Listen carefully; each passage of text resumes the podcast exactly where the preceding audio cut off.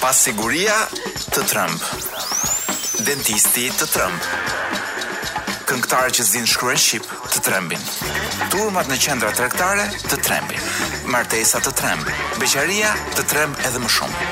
Tabela kujdes shofer i ri të tremb. Çmimet e shtëpive të trembin, kredia të tremb. Po ky është një emision që nuk ju tremb. Sot nuk është e hënë. Ose të paktën kështu ju gënjejmë ne se nuk duam t'ju trëmbim, por sot gjatë gjithë kohës do përpiqemi të bëjmë pikërisht këtë gjë. T'ju trëmbim, kështu që të të, të kapin ca rrënqethje, sepse jeni Do thosha unë jeni mykur fare. Ë në bulevard janë nja 30, 50, ndoshta edhe 70 njerëz që bërtasin për të drejtat e 3 milion njerëzve. 3 milion, 2800, 2 milionë 800, nuk e 2 milionë 700 sa kemi ngelur. Ndërkohë që pjesa e madhe e Shqipërisë me sa kuptoj unë është më shqetësuar për faktin që Juli paska ikur nga Përputhen. Pra po të kishte një protestë për rikthimin e Julit në Përputhen, Jam i sigurt që i bënim nja 200-300 mijë vetë aty në shesh. Dhe jo 200-300 mijë Sergjin. Po 200-300 mijë kështu që bërtasin kështu me me zë. Dhe bë, pa, në të tilla raste kryeministri vetë shkon dhe merr atë Julin për veshi dhe e rifut në Përputhen sepse i intereson që, që populli i tij të jetë i qetë dhe të mos protestojë. Por për këta 300 që po protestojnë për energjinë elektrike, për çmimet, për çmimet e shportës. Ë uh, unë besoj që nuk ka asnjë interes asnjëri nga ju. Sepse besoj se gjithë ju jeni si puna e atij uh, atij njeriu të mirë që jeton në në shpellën e tij në Surrel. Juve te shporta juaj keni ndoshta vetëm luleshtrydhe. Dhe nuk e kuptoni që dikush tjetër mund të ketë hall për çështje çmime shporte, a vaj, makarona, oriz ku di unë. A po pati një problem me çmimin e luleshtrydheve, ndoshta mund ngriheni edhe ju. Nuk mund të rri pa thënë që sot në mëngjes patëm një tjetër perlë nga kryeministri, i cili sa shikon që në këtë vend nuk ndodh asgjë, vendos t'ia fusë një bërdaf vetë. Ë i ftuar nga OSBE-ja në një vend ku flitet për hallet e gazetarisë, kryeministri vajti mbajti një fjalim të gjatë. I gjatë. Do mua më duket i gjatë sikur s'mbaron kurrë, ku praktikisht foli si të ishte duke folur Hitleri, për lirinë e medias, Dhe jo vetëm kaq, por në në atë tempull ku ishin mbledhur gjithë gazetarët e pra në tempull të Lirisë, po themi kështu në thonjza, ku ishin mbledhur gazetarë nga gjithë Ballkani, kryeministri e pa të arsyeshme që të citonte kë do thoni ju. Citoi Donald Trumpin. Duke e quajtur madje legjendari Trump. Pra citoi në një takim me gazetarët e Ballkanit, citoi njeriu që është në këtë kohën tonë bashkë pra në këtë kohën tonë moderne është një nga liderët më armiqt më të mëdhenj të medias. Dhe e citon kryeministri më i vogël i Europës, po them i vogël jo në staturë, se ai është kryeministër që edhe Kina i bie e vogël, po i vogël i kryeministër i një vendi të vogël, i cili të cilit e kanë një mendje që është në nivelin e Trumpit kur vjen puna për të masakruar mediat. Kjo ishte e sotshmja e freskët taze, ne kalojmë tek lajmet e javës që kaloi, çfarë kemi këtu? Mm, SPAK-u ka nisur hetimet ë për atë politikanin që nuk dihet akoma se kush është dhe për biznesmenët shqiptarë që kanë dalë në skandalin e Pandora Papers. E, tashi që ka dalë, unë jam shumë i habitur që ka dalë vetëm një politikan shqiptar në Pandora Papers. Dhe duhet të them që këta kanë shumë fat. Po sa fat që kanë dreqin. Sikur të hapeshin ku di unë, Gomorra Papers për shembull, aty do kishim ku di unë, Shqip, Shqipëria dhe politikanët shqiptarë do ishin në majë të në majë të klasifikimit për pjesëmarrje. Fati i madh që ka, është hapur një pjesë materiale ku nuk janë këta tanët, po, po diku janë, diku diku janë dhe me shumicë madje. Çfarë kemi tjetër? Ë mbasi kryeministri para një jave na tregoi se sa i zi do jetë dimri e tjera tjera. Dhe tha bëhuni gati se ku di unë do ta hani sa krau. Doli kush do thoni ju, doktori i cili hall, la hallet e veta të foltoreve dhe u mor me çështjen e krizës energjetike. Dhe ngriti një pyetje, ë ç'lidhje ka me Shqipërinë ngritja e çmimit të gazit? Dhe realisht kuptova që lidhja e ga, e çmimit të gazit europian me Shqipërinë është zero, po të mos llogarisim Gaz Pajën. Pra, përveç Gaz Pajës ne nuk përdorim gaz në Shqipëri. ë Sigurisht që çmimin e Gaz Pajës dyfish po të rritej, nuk do përballonim dot, por këtë rritjen e gazit në Europë nuk e kuptoj pse duhet të na shqetësojë neve. çfarë kemi tjetër? Paska dalë dhe një raport uh, për um, zhvi, për, pra për zhvillimin ekonomik të Shqipërisë në vitin që kaloi dhe ministri Ahmetaj paska thënë që kemi një rritje të jashtëzakonshme. Në fakt ky ka folur vetëm për gjysmën e raportit, nuk ka përmendur pjesën tjetër ku tregon se sa është rritur varfëria në Shqipëri. Ë uh, dhe ka dhe një gjë që as ky raport nuk e thotë që kjo rritja që që mund të konsiderohet si rritje ekonomike jona në fakt janë vetëm shifrat e para, do është paraja e drogës e riqarkulluar që dhe si gjithmonë që kur ishim ku di unë të vegjël, droga na ka nderuar. Që kur i ushqenin ata kalamajtë shumë me një çik çaj, çaj hashashi kështu për t'i vënë në gjumë, edhe sot s'ka nevojë fare për hashash për të na vënë në gjumë. Mjafton Çik propagandë televizive dhe opa publiku në gjumë. Tjetër çfarë kemi? Uh, hetimi për patronazhistët është një shembull i kapjes së shtetit. A ky ishte një artikull shumë i mirë i publikuar te lapsi.al, një opinion i një juriste, e cila argumentonte se si ë uh, komisioneri i mbrojtjes së drejtave të pra i, i dhënave personale në të vërtetë duke treguar se si është abuzuar me të, me të dhënat tona personale për rastin e patronazhistëve, e nxori komplet pa, të pafajshme partinë, sepse sipas tij hajduti nuk ka faj, përderisa ka vjedhur vetëm në Tiranë dhe nuk ka vjedhur gjithë Shqipërinë. Ë, ta mbyllim këtu, a më thot DJ që do ta mbyllim, kishim dhe ca gjëra të tjera të vogla, por kemi prap kohë për të folur. Do flasim për gjëra roz një çik më vonë. Ë, ju lëmë një bllok të shkurtër reklamash, mbas të cilit, mbas të cilit do dëgjoni një këngë që ndoshta nuk e keni dëgjuar kurrë më përpara. A nuk është ky një mjafti, një motiv i mjaftueshëm që qëndroni me ne në radio? Kjo është Top Albania Radio, un jam uh, Koloreto Cukali dhe sot nuk është. Ë uh, dhe të rrim tek Shqipëria. Ë uh, ka shumë njerëz që më pyesin se çfarë duhet bërë për të marrë pasaportë shqiptare. Tash unë me sa kam kuptuar është që thjesht duhet të ketë me duhet të të ketë me sy të mirë presidenti i Republikës tonë, kaq di unë. ë Por më del, më rezulton këtu nga një shkrim i publikuar në politiko.al dhe i marrë nga një media ndërkombëtare, më rezulton që pasaporta shqiptare nuk ka pse të jetë dhe aq e lakmueshme, sepse na qenka bërë një indeks i pasaportave, ë dhe është publikuar pak ditë më parë, i cili tregon që pasaporta shqiptare është nga më të lodhurat. Ëh, uh, cilat janë më të mirat? Vendin e parë e zën Japonia, Singapori dhe Koreja e Jugut, pra të treja në të njëjtin vend me të njëjtat pikë dhe Gjermania është në vendin e dytë. Forca e një pasaporte sipas tyre është forca për të lëvizur dhe për të qenë i mbrojtur nga kjo pasaportë. Pra forca për të lëvizur lart e poshtë, pa pengesa, pa viza, pa gjëra, por sigurisht edhe për të pasur një lloj mbrojtje. Shqipëria Ë vjen në vendin e, ku di un, në vendin e 56. Ë është më keq nga gjithë shtetet e rajonit, por është një çik më mirë se sa me sa po kuptoj un këtu, është një çik më mirë se sa ë, Kosova. Ë sigurisht, me pasaportën shqiptare mund të lëvizësh pa viza deri diku, mund të shkosh ku di un. Ku shkove ti o Wiz në Dubai? Por është problemi që të gjithë vendet që mund të shkosh me pasaportë shqiptare, Janë në përgjithësi vende që po të jesh grua të mbulojnë direkte. Madje edhe po të jesh si shkoi Wizi një herë që i rriti flokët, që shkoi në Dubai me flokë të gjata dhe i vunë një perçe në kokë. Sepse atje nuk harxhojnë kohë për të të parë je mashkull femër, domthonë po të panë kështu që ke, po ke gjë një gjë si puna flokëve të gjata të mbulojnë menjëherë. Kështu që Shqipëria mund të shkojë vetëm në ato vende ku ti del rrugëve dhe shef vetëm burra. Burra dhe zorra, do thoja unë. A mos vallë jam një çik shumë racist për sa i përket kësaj veshjes, edhe mund të jem një çik. Por seç ka një gjë të trisht kur sheh gra që janë jo vetëm të mbuluara nga gjitha cepat, por kanë mbuluar dhe syt. Domethënë, syri që është gjëja më e fortë e njeriut për të komunikuar me botën, imagjino uh, Uizi me sy, ë uh, vinte edhe kobrat në gjumë kam dëgjuar. Kështu flitet nëpër radio, paktën. Uh, pra sytë që janë gjëra më të fuqishme u, ua mbulojnë. Pra Shqipëria mund të shkojë me atë pasaportën e vet vetëm në këto lloj vendesh. Ah, kemi sigurisht edhe BE-në. E, e mbyllim me këtë lajmin e pasaportave. Mund t'ju sigurisht nuk ka nevojë t'ju them që edhe pasaportat nordike janë po aq të fuqishme.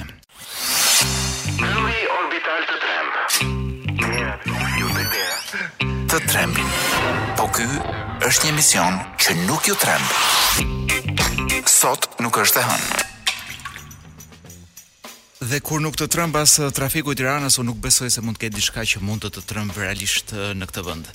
Dhe për t'ju përshtatur asaj gjendjes që ju besoj se jeni nëpër rrugë të bllokuar, në shira në gjëra, unë thash, pse mos ju lexojmë edhe një libër. Ë sigurisht për të trëmbur dhe ata që nuk i duan librat. Vazhdoj të kem në dorë librin Zorba, të Kazanzaqis, ë një nga librat më të mirë grek do thoja unë edhe siç e kam lexuar në disa ë në disa lista, është një nga 100 libra që këshillohet për t'u lexuar përpara se të vdesësh. ë sigurisht, don ndoshta nuk është i pari, por është Unë do thoja unë është absolutisht tek 10-shja e parë e librave. Sepse ky flet për Zorbën, që është një plak nga Kreta.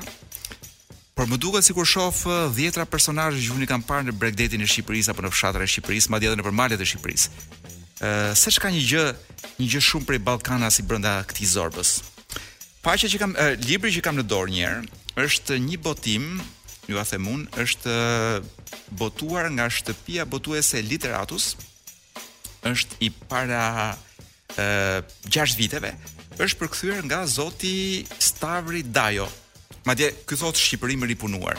Unë mendoj që është një gjuhë shumë e bukur. Pra, është libri ka ardhur shumë mirë në në shqip. Po shfletoj pikërisht pjesën ku autori pra rrëfenjësi që është një intelektual grek i cili në vitin e largët 1946 vendos që të ik nga bota e librave dhe të shkojë pranë jetës së vërtetë dhe kë takon thoni ju Zorbën që ishte i hurit dhe i litarit takon Zorbën edhe aty në, në fshat në Kret fillon një shi një shi dhe një ja, e thotë dhe këtu në libër bie shi i shtruar i qetë toka bashkohet me qiellin me një pëlhurë të rrallë e të njomë. Më bëhet në sy një reliev indian në një gur murrash. Ë, pra, mbasi përshkruan këtë atmosferën me shi që është pak a shumë si kjo e sotmja e kësaj mbrëmje, ë, rrëfenjësi thotë, dhe papritur e pakujtuar, mes shiut dhe tokës së lagur, u ngjit në zemrën time, miku im i mërguar në Kaukaz. Mora një penë, u ula mbi letër, Kujdes. Nuk është nga ato letrat që stisen për në Big Brother, që i shkruan produksioni dhe të bën të mendosh që ia kanë shkruar familjarët kësaj apo asaj. Jo. As nga ato letrat në Përputhen në qoftë se ka letra.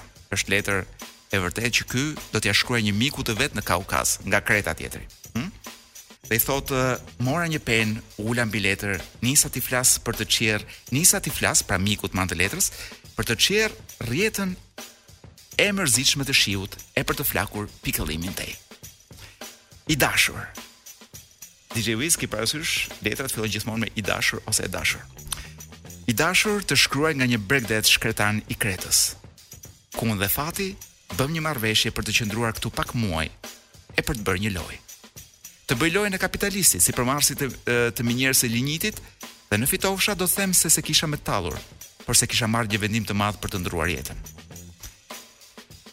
Vazhdon letra te e te deri tek pjesa që duhet t'ju lexoj juve.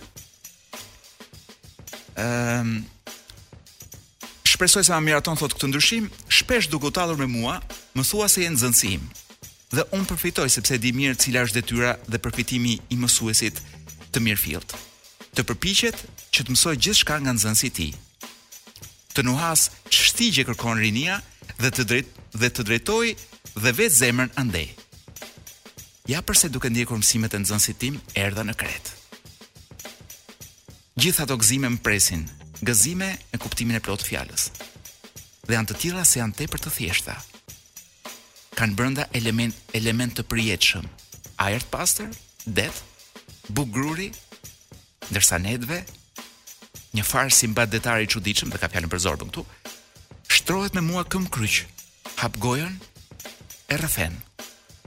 Dhe bota bëhet më e madhe. Herë herë, kur fjala nuk i nxë shpirtin, hidhet përpjetë. Ia merr valles. Herë herë, kur as vallja s'e nxë, merr në dorë sandurin dhe zë e këndon. Vazhdon më tutje gjithmonë duke shkruar letrën, Konfuci thotë, shumë njerëz e kërkojnë lumturinë mbi njeriun. Të tjerë, si DJ Wizi shtoj unë, e kërkojnë nën të. por lumturia ndodhet tek ai vetë. E mos më thoni pastaj që me këtë frazë të Konfucit nuk ju kemi shpuar zemrën dhe jo vetëm zemrën.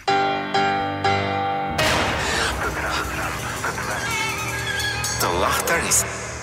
Por ky është një emision që nuk ju tran.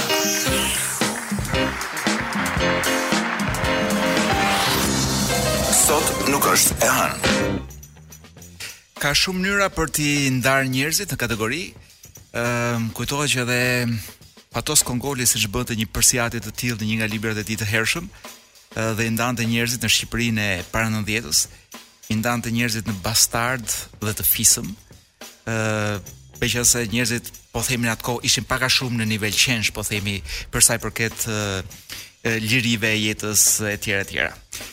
por një mënyrë që është mënyra më e thjeshtë dhe ndoshta jo vetëm më e thjeshtë, por më efikase për t'i ndarë burrat, djemt apo meshkujt thoni si doni në në kategori është dhe këtë ma ka mësuar DJ Wizy, është t'i ndash ata në meshkuj që u pëlqen gjoksi dhe në meshkuj që u pëlqejnë të pasmet.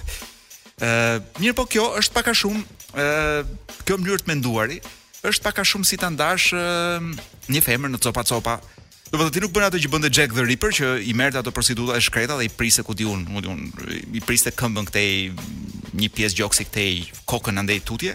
Ë, por ti e bën këtë me sy. Pra ti sheh një femër, por nuk sheh një njeri që kalon, por sheh, nuk e di, sheh një gjoks që kalon.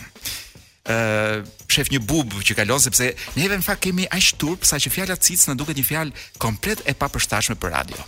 Dhe na vjen më mirë të themi bubis, e, pra ta themi në anglisht se me demek nuk ofendohet njeri, dhe lind pyetja pse duhet të ofendohet njeri nga nga përmendja e fjalës sisë? Ma thua dot o DJ Wiz, nuk ma thotë dot.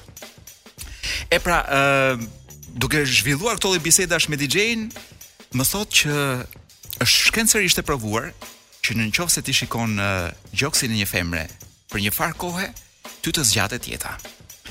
Si me thënë, DJ Wizi mendonte që është shkencore dhe është e mbështetur në shkencë fakti që ti duhet të shohësh gjoksin e femrave për të, ku di unë, për të pasur përmirësime cilësore, shëndetësore dhe të jetës.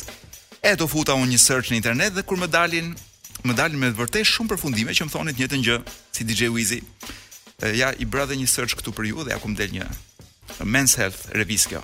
Thotë ë po po mundohem ta përkthej se janë të gjitha në anglisht këto këto të dhënat. ë një këshillë shëndetësore, shikoni gjinjtë, pra shikoni gjokset. ë është dhe një tjetër Medical Daily që thotë pesë gjëra të papritura apo të pamendueshme që rrisin jetëgjatësinë tek burrat. që nga bërja e shumë seksi deri tek vështrimi ngultas i gjoksit të femrave. E të tjera, e të tjera, po të rrish të lexosh nga këto domethënë kishte shumë shumë artikuj dhe e besova dhe unë që qenka shkencërisht e provuar. Edhe i futem me një, si me thënë, i futem me themeli kësaj pune. Dhe shoh që paska pasur në të vërtetë përpara disa vitesh paska pasur një studim i cili riqarkullohet vazhdimisht i cili thotë që është publikuar madje edhe në një revistë mjekësore, Archives of Internal Medicine. Dhe ky studim ë flet për jetëgjatësinë e meshkujve. Mirëpo, meqenëse u bëra shumë kurioz. Pashë që në të vërtetë studimi në fjalë nuk flet për gjokset e femrave. Ata kishin bërë një studim me disa burra të moshave të ndryshme dhe kishin arritur të kuptonin që të menduarit pozitiv si me thënë të shtonka jetën, por nuk flitej për gjokse. Tani fakti që ca njerëz kanë bërë këtë lidhjen, pra, ky studimi flet vetëm për të menduar pozitiv. Pastaj që për klikime, madje edhe disa websajte serioze, kanë bërë lidhjen e të jetuar e të menduarit pozitiv me shikimin e gjokseve, kjo është një çështje tjetër. Dhe pyetja lind, duke parë gjokset, a ke vërtet mendime pozitive? Sepse për shembull kam vënë re që nganjëherë të lindin edhe mendime negative. Dhe a mos vallë kur ti ke një mendim negativ në këtë rast të shkurtohet jeta? Lind pyetja. E përmbledhur, ë Oh, shiko, Daily Record ka thënë këtë ka thënë pak a shumë këtë fjali. 10 minuta duke parë gjoksin e bukur të një femre thotë, është i barabartë me 30 minuta palestër. Pra si me thënë, ulet DJ Wizi për 10 minuta dhe i shtohet jeta më shumë se asaj femrës që po bën palestër për 30 minuta. Pra ky duke ndenjur, ajo duke punuar në palestër, po këtij i zgjatet jeta më shumë vetëm sepse po sheh. E gjitha kjo është pjesë e një mizogjinie të madhe, dhe më duhet t'ju them që e vërteta është komplet ndryshe. Ë, uh, domethënë, nuk po them që mos shikoni, por desha vetëm t'ju thoja që mos mendoni që ju zgjatet jeta. Më e shumta po të ishit jashtë shtetit mund të përfundoni edhe në burg, sepse të parit ngultazi ë uh, jo vetëm të gjoksit të një femre, po tashmë pothuajse tek çdo gjëje tek një njeri tjetër mund të krijojë shumë probleme. Kam dëgjuar që në Kanada për shkak ti nuk e pyet dot asnjeri se prej nga vjen, Sepse po ta pyesësh nga vjen, ai e merr për ofendim. Çfarë do thuash ti që unë s'jam kanadez? E të tjera, e të tjera. Kjo është bota moderne në cilën po jetojmë. Për t'u marrë me ngjarje të bukura që ndodhin vërdall nesh, jemi tek pjesa e dytë e lajmeve. Çfarë kemi këtu? Po, E keni marrë vesh të gjithë që është arrestuar me urdhër të SPAK-ut ish-drejtori i RTSH-së ë zoti Thoma Gëllçi. Ju do thoni pse i thoni Zoti, sepse çdo njeriu i duhet thënë Zoti, edhe sikur të vërtetohet që ka vjedhur, jo vetëm që ka vjedhur, por edhe sikur të vërtetohet që ka rrjepur njerëz dhe i ka groposur poshtë tavolinës së zyrës, çdo njeri ka të drejtën që trajtohet me dinjitet, edhe kur është vrasës serial. Pra Zoti Thoma Gëllçi dhe kur uh, kur shoh për të tilla arrestime gjithmonë uh, Më vijnë në kokë dy gjëra. E para që ky duhet të ketë vjedhur jo më shumë se 4 milionë euro, sepse në këtë vend e vetmja mënyrë që të mos të kapin kurrë është që të vjedhësh ku di unë 40 milionë lart. Do të çka dy çan vjedhet me nga 40 milionë lart nuk ka kompetencë spaku do. Tha, kjo është për FBI, nuk e bëjmë dot. Dhe ti kupton që ai që është arrestuar nuk ka asnjë mbrojtje nga asnjëra palë. Pra si me thënë, këta që arrestohen kështu, ti kupton që janë politikisht jetimë. Ë nuk ishte aq roz si lajm, po më kishte ngelur nga pjesa e parë e lajmeve. Ë kemi ca lajme të tjera akoma më roz. Shqipëria ofron falas 5000 emigrantë për zgjidhjen e krizës së karburantit në Britani. E lexova këtë dhe fap më rrënqeth trupi thashë do më iki DJ Wizi se vdes për Londër i shkreti nuk po dinte si të shkoj dhe Sidomos kjo kriza karburantit pastaj e ka bërë me flatra. Dhe marr vesh që këto i paska thënë eh, ambasadori i Shqipërisë në MB, në Mbretërinë e Bashkuar, me emrin shumë eh, një emër ngulës, si të thonë, pra një emër që të ngulet në mendje, Qirjako Qirko, i cili paska thënë eh, gazetës The Guardian Ne mund t'i ofrojmë shoferë të mirë të besueshëm, ndoshta 5000 menjëherë. Ë tani me ju thënë të drejtën, më vjen mirë që një ambasador flet si të ishte një nga shoferët. Pra, unë me shokët e mi do vim ku do doni ju. Ë, pra, si gjithmonë në frymën e kryeministrit ka vendosur të zgjidhë hallet e Britanisë dhe flet në emër të një popullsie që ai as nuk e njeh dhe as nuk e di. Dhe del garant për 5000 njerëz ë të cilët ky mendon se i ka ë ç'ta them unë Domethënë sigurisht që shqiptarët e Britanisë kanë CV shumë të mirë, kanë kaluar me kamion gjithë Europën të fshehur mrapa kuptohet për të për të kaluar si pasagjerë të fshehur në Britani. Po zoti Qirjako Qirko, apo siç thonë italianët un nome un destino, duket që ka një mall kështu si për luftë, sepse po i premton këta shoferë sikur sikur të premtojë këtu, siç premtoshin dikur siç premtonin dikur vasalët që i thonin po do sjell do sjell 5000 trupa në luftë patjetër. Ç'të them? Ë a ka nevojë t'ia them unë zotit Qirjako Qirko që Shqipëri nuk e pyet askush. Do na kanë fjalën për ata shqiptarë që janë në Londër, nuk pyesin zotin Qirko, dhe as kryeministrin e zotit Qirko nëse duan të punojnë apo nuk duan të punojnë në Britani. Sepse janë njerëz që kanë ikur nga Shqipëria, sepse nuk e duan Shqipërinë. Jo, e duan Shqipërinë, por nuk duan këtë që ndodh në Shqipëri dhe nuk gjejnë punë në Shqipëri. Por ama ky është gati t'ua gjejë punën në Britani. Ç'ti them zotit Qirjako, Qirko. Uh, lajm tjetër shumë simpatik edhe ky. Pe rozë do thoja unë, është ulja e avionit misterioz në Kelmend, ku siç e morët vesh u zhdukën piloti dhe pasagjeri. Tani të gjithë janë shqetësuar për drogën, do Kelmendi, do ne prisnim këtej na hyjnë andej do. Unë jam i shqetësuar për një gjë tjetër. Unë jam i shqetësuar për hapësirën tonë ajrore. Po sikur ky avioni misterioz të ishte serb. Imagjino është ndodh që mirë Vermosh, po ky mund të vijë edhe në Tiranë, të bëjë një xhiro lart e poshtë. Vërdall, mund të vijë mbi sheshin Skënderbej madje.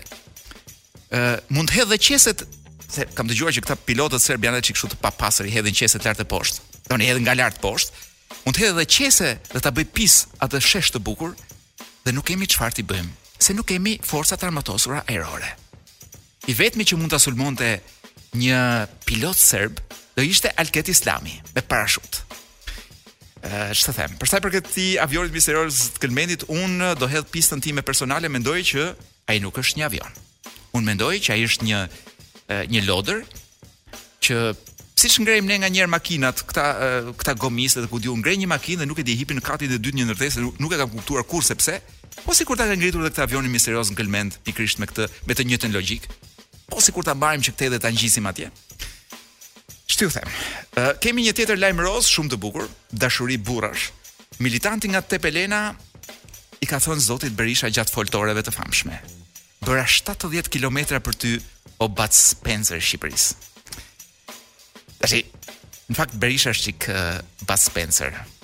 Po në të kundër se Bud Spencer nënshkruan BS ose nënshkruante BS, kurse ky ka SB. Se më ky është uh, Spencer Bud Berisha. U bëra shumë kurioz për këtë lajmin dhe e hapa dhe më duhet të them që është një lajm për t'u lexuar i tëri. Zoti Berisha të përshëndes, kujtoj vitin kur ne e prisnim, pra flet gjithmonë, aty janë të dy, po flet në vetë të tretë për të.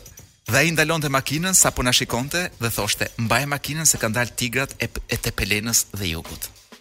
Dhe ne që kujtonim që tigrat janë vetëm qeveri, jo. Tigra paska pasur që kur edhe ku do thuash ti. në Tepelenë. Mirë se erdhe o Sali Ram Berisha, o Bad Spenser i Shqipërisë, o Trim, ne, do, ne duam na thua shumë shpejt do fitojmë. Ç'ti u them, ky do që vetëm t'ia thon.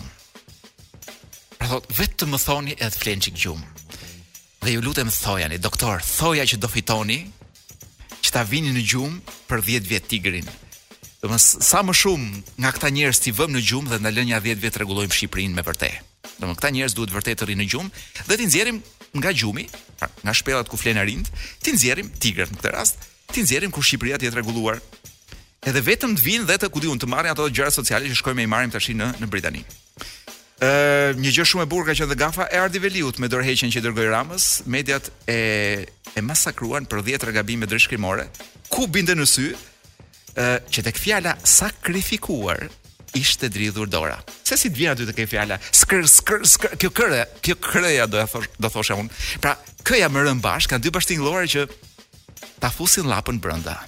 Domethën mos për mos e provoni në makinë, mos tentoni të thoni sakrifikuar, se edhe mund të përplaseni. Ardi Veliu u bë nami i botës vetëm për këtë gabim. Kemi edhe një lajm të fundit DJ Wiz para se të kalojmë ku do na kalojë ky në reklama më duket po. Një lajm i fundit në Berat pas kanë kapur njërin 31 vjeç, por është lajm i bukur, domethënë është lajm roz, sepse i ka hyrë në banesë njërës dhe ka kërcënuar 20 vjeçe ajo tjetra që të pranonte propozimin për martesë. Është e paqartë nga lajmi se ç'u bë me armën e krimit. Domethënë me unazën A thua e gëlltiti E gëlltiti atë armën e krimit Dhe nuk merret vesh uh, nëse ka pranuar vajza apo jo Si me thënë, na kanë lënë, do na kush di kur do na thonë gjatë gjatë puntatës së dytë të këtij lajmi. E kemi mbyllur me pasqyrën e fundit për lajmet e javës që kaloi, ndërsa merremi me gjëra të vogla, për shembull ku di unë njerëz që dalin dhe çirren duke bërtitur kundër vaksinave ku di unë, botës po i ndodhin ca gjëra më të mëdha. Pandora Papers, vetëm një shqiptar aty brenda. Thashetheme duan të thonë që nuk është një nga këta të nivelit, pra nuk është në top 5 të klasifikimit. Ë, por të shpresojmë që Pandora të tjera të mund t'i hapin zorrët këtij sistemi, që është një sistem Shumë problematik. Kam dëgjuar njerëz që përpiqen të argumentojnë sigurisht nga këta që janë të rreshtuar djathtas, pra janë pro ë ë ekonomisë liberale të tregut etj etj. Praktik, praktikisht janë gjitha partitë shqiptare të tilla, të cilët argumentojnë si diçka pozitive, domethënë offshore-t janë diçka që duhen e ku di unë se çfarë. Ë më duhet të them që kjo formë e kapitalizmit që vetëm shkatërron ë nuk është thjesht një fytyrë, pra që vetëm shkatërron resurset e botës ë edhe vjedh pasuri dhe i fsheh për të mos paguar taksa, nuk është thjesht një fytyrë e shëmtuar e kapitalizmit. Kjo është fytyra e vërtetë e kapitalizmit dhe këtë përpiqet të argumentojë George Monbiot në një opinion për The Guardian, Një opinion i gjatë dhe shumë interesant, i cili flet pikërisht për këtë Pandora Papers, duke treguar që ky është kapitalizmi në fakt. Kjo gjëja që po shohim. Dhe ky nis shumë bukur duke treguar si ka lindur kapitalizmi. Paska lindur, siç po lexoj, në një ishull të largët. Ë në vitin 1420 portugezët ndërkohë kishin kolonizuar këtë ishull, që quhej Madeira. ë ata zhvilluan atje një sistem i cili ishte ndryshe nga çdo gjë që kish ndodhur më përpara. Çfarë bënin këta? Këta prisnin drurët, madje Madera, emri i ishullit e mori pikërisht nga drurët sepse në portugezshe ë Madera do thotë dru. Pra ky vendi që ishte një ishull plot me dru, këta meqenëse ishte një ishull i pa i pabanuar, pri dru, ë sollën skllevër, filluan të nxirrnin sheqer që andej dhe Madera u bë vendi i parë kapitalist i tregtisë së sheqerit. Domethënë ishte u bë një vend i cili kishte në atë kohë dhe po flasim për vitet 1470, kishte 60-70% të tregtisë së sheqerit botërore, pra një ishull i vogël. Mirëpo çfarë bënë këta atje? Prenë vazhdimisht dru, derisa brenda 10 vjetësh Madera nuk kishte më dru për të nxjerrë sheqer. Ë uh, sigurisht skllevër kishin se sillnin skllevër nga Afrika uh, dhe merrnin nga zonat nga ishujt përreth, por mungonin drutë sado skllevër që të kishin. Dhe ky ishte uh, dhe ky ishte kolapsi i parë i një ekonomie kapitaliste. Tani kjo gjëja vetëm përsëritet. Ky fati i Maderës Dhe çfarë bënë portugezët? Mbaruan punë me Maderën, vajtën në një vend tjetër, pastaj në një vend tjetër, pastaj gjetën Brazilin. Si me thënë, vazhdimisht, masi shkatërronin një vend, shkonin në një vend tjetër dhe vetëm e rripnin. Dhe marr vesh u dashkan 60 kg dru për të refinuar një kile sheqer. Ë, kjo është situata e kapitalizmit edhe në botë. dhe nuk ka mbaruar akoma dhe vazhdon edhe sot e kësaj dite. Gjëja që ndodh është që këta hajdutët e qeverive tona, bashkë me oligarkët, nuk bëjnë gjë tjetër, vetëm rrëmbejnë çdo pëllëmbë të një vendi, imagjinoni Shqipërinë. A keni vënë re që nuk ka ngelur asnjë pëllëmbë e Shqipërisë më? Jeni kthyer për të parë çfarë ka ngelur diçka publike këtij vendi. A ka ngelur ndonjë gjë që ta kenë pronë ky popull? Apo janë të gjitha në duart e dhjetë vetave? Duke filluar nga minjera, duke përfunduar tek plazhet e ku di un çfarë do lloj pasurie që kemi pasur. Ë dhe kjo është ky është kapitalizmi që këta njerëz masi i rrjepin dhe i rrënojnë të gjitha këto vende, ato pasurit i transferojnë në këto vendet e offshore-it apo matan detit, në këto parajsat e taksave, dhe lënë mbrapa vetëm shkatrim dhe djegje. Kështu që përderisa ne të fillojmë të kolonizojmë ku di un Jupiterin apo Saturnin, derisa t'i rrënojmë dhe ata, unë mendoj që jemi drejtuar drejt fundit dhe Shqipëria, Shqipëria që unë shoh të paktën është një Shqipëri kështu, është si puna e këtij ishullit, e këtij Maderës. Shumë shpejt nuk do të ketë ngelur asgjë më. Do i kenë marr, do i kenë rrjepur të gjitha. Dhe unë mendoj që ky nuk është problem vetëm shqiptar, është problem botëror. Këto janë shkatrimet ekologjike, që kanë filluar atëherë para 600 vjetësh në Madeira. Dhe tani është bërë një trend botëror. Vidh, shkatro. Ka plot dele që votojnë këtë sistem dhe mbajnë në këmbë. Ka plot mënyra për t'i mbajtur këta njerëz urtë e butë. Dhe kapitalizmi vazhdon vetëm të shkatrojë dhe të lërë pak pas ishuj si puna Maderës me pyje komplet të prera. Kështu që kjo gjë që ne po shohim tek Pandora Papers është fytyra e vërtetë e kapitalizmit dhe kështu thot edhe autori i shkrimit. Tani përpiquni që të shihni vërdall jush. Çfarë gjëje në këtë vend mendoni që është vërtetë e juaja? Kur dhe në plazh nuk keni më ku të ngulni as çadrën se vjen njëri thotë është plazh privat. Kjo është Shqipëria juaj. E juaj sepse unë me unë me DJ Wizin praktikisht ne bëjmë sikur jemi në Shqipëri. Uh, unë me DJ Wizin jemi në Palma de Mallorca në pjesën më të madhe të kohës, duke bërë party ka qëlluar një gjë, një koincidencë që nuk duket aq koincidencë, më shumë më duket sikur është një do thoja unë një ndërhyrje hyjnore Ë hyrja e një shkrimtari siç dëgjova në Big Brother VIP në të njëjtën kohë pothuajse në të njëjtën ditë kur u shpall edhe Nobeli për uh, letërsinë. Edhe do ti që e kishin o DJ Wiz emrin njëlloj të dy. Domethënë, tash këtë shkrimtarin që ka hyrë në Big Brother unë nuk e njoh shumë mirë për të qenë i sinqert. S'kam pasur mundësi të njihem me letërsinë e tij. po ky që ka fituar çmimin Nobel quhet Abdul Razak Gurna. Tash më thuaj mua, a ngjajnë çik si emra apo s'ngjajnë? Se më duket se aty aty janë pak a shumë. Të një të njëjtën muzik, muzikalitet kanë të dy. Madje u u preka kur dëgjova që u preka kur dëgjova që ky shkrimtari i Big Brotherit përveç se paska citate që qarkullojnë vazhdimisht lart e poshtë, të tipit uh, mirëmëngjes. Tak, do të thotë, po një mirëmëngjes jo si gjithë tjerë, si është mirëmëngjesi një shkrimtari. Ë uh, mora vesh që lexoka paska mahnitur njerëz se lexoka Balzakun. Dhe ka dhe nga ata budallë që mendojnë që Balzaku zakonisht lexohet kur je deri në moshën 13 vjeç, pastaj ka gjëra të tjera bashkëkohore për të lexuar. Po ja njerëz të këqinj. Dhe dëgjova këtë tjetrën që librat e Balzakut tash janë tharë nga libraritë sepse njerëzit mbasi kanë marrë vesh që u lexo duhet lexuar Balzaku dhe morën vesh nga ky djali, janë sulur gjithë, nuk ka më Balzakër nëpër libraria. Ë të shkojmë tek Nobeli. Ë ky Abdul Razak Gurnahu është një tjetër shembull që Nobelit nuk mund t'i besosh asnjëherë. Ë, për shembull Murakami i shkretë ka disa vite që është në krye të listës dhe kush di si e pret domethënë kur vjen ai Nobeli a rri afër telefonit ose rri larg telefonit ose i thotë gruas un po iki po ti mbaj një vesh te telefoni se mos bie edhe marr vesh që kam fituar çmimin. Jo, nuk e merr Murakami. Kadareja jo jo, e merr një pothuajse i panjohur që nuk e priste njeri. Ë gjëja më e bukur e çmimeve Nobel këtë vit, unë besoj që ka qenë çmimi për paqen që kanë marrë dy gazetarë. Dhe jam sinqerisht shumë i lumtur sepse po ka ndonjë gjë që vërtet mund ndihmojë për paqen është puna e gazetarëve dhe është një nga profesionet më të rrezikuara për momentin. Dhe këta të dy që kanë marrë janë dy personazhe shumë shumë të veçantë dhe shumë interesantë në në vendin ku punojnë dhe dhe ku jetojnë. Për shembull, kjo Maria Resa është nga Filipinet. Dimitri Muratov është nga Rusia. Për shembull, kjo Resa është po përballet me një nga njerëzit më të fortë edhe do thoja një nga njerëzit më autoritarë në planet, që është ky Duterte, ë i cili po bën një masakër duke meqenëse ka filluar një luftë kundër drogës dhe thjesht kushdo që është i dyshuar që mund të pijë një një cigare hashash. Imagjino DJ Wizin mund ta kishin vrarë disa herë ndërkohë, po të ishte në Filipine. Dhe këta thjesht e pushkatojnë pa gjyq, pra kjo këto janë Filipinet.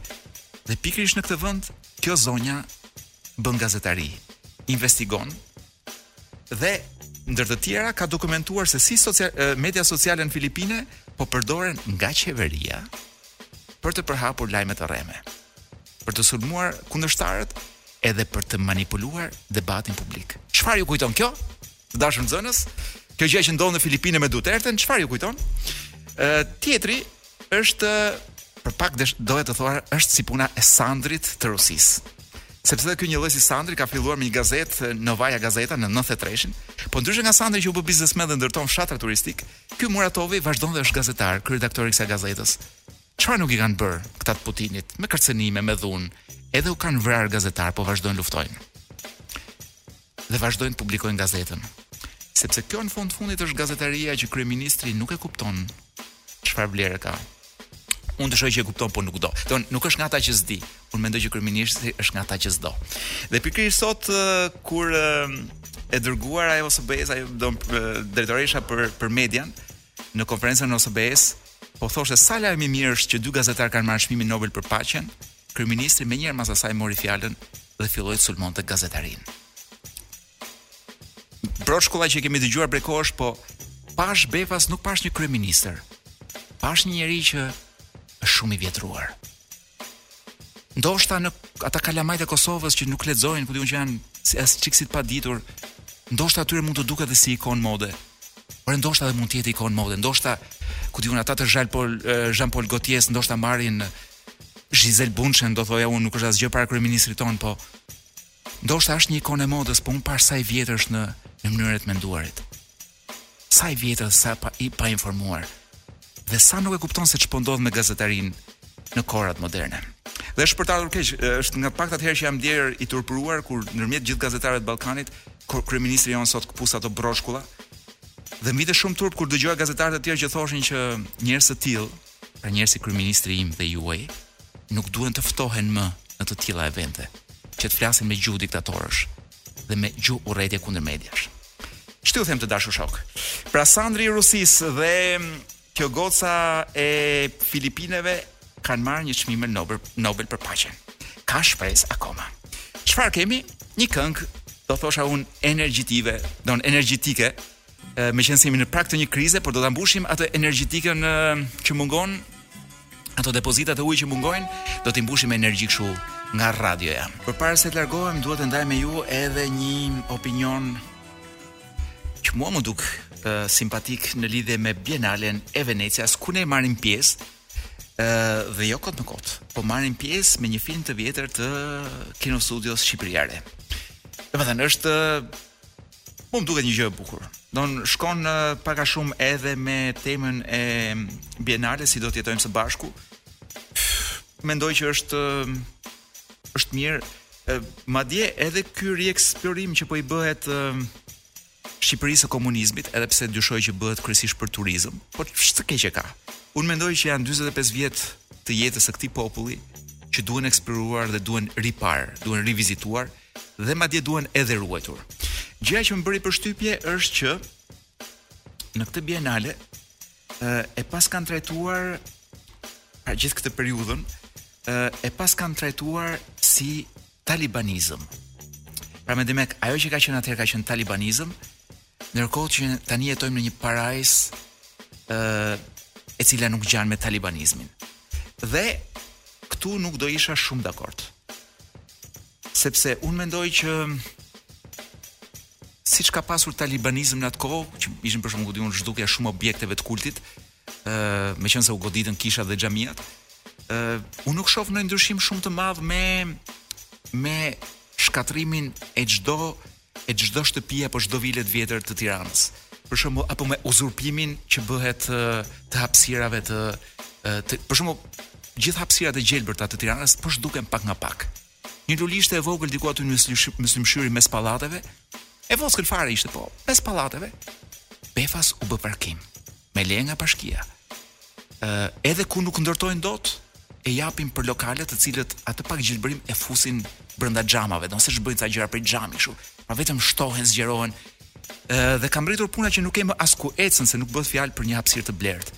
Gjëja më e blertë është liqeni Dhe ti duhet të nisesh, po themi, ku di unë, nga Lapraka për të shijuar pak gjelbërim tek liqeni, i cili gjithashtu po po krasitet pak nga pak anash. A nuk është e gjitha kjo talibanizëm në fund të fundit? Sepse në qoftë se prishej diçka në atëherë pri, prishej në mënyrë të ligjshme. Dhe nëse po prishim diçka tani po e prishim po në mënyrë të ligjshme. Kështu që kjo do ishte një temë shumë e bukur në fakt nëse unë do kisha të ftuar një që po prisa dhe nuk më erdhi, po besoj do vi herën tjetër. Avokati Dorian Matlija, eh, a mos jemi po aq taleban sot sa kemi qenë edhe në atë kohë?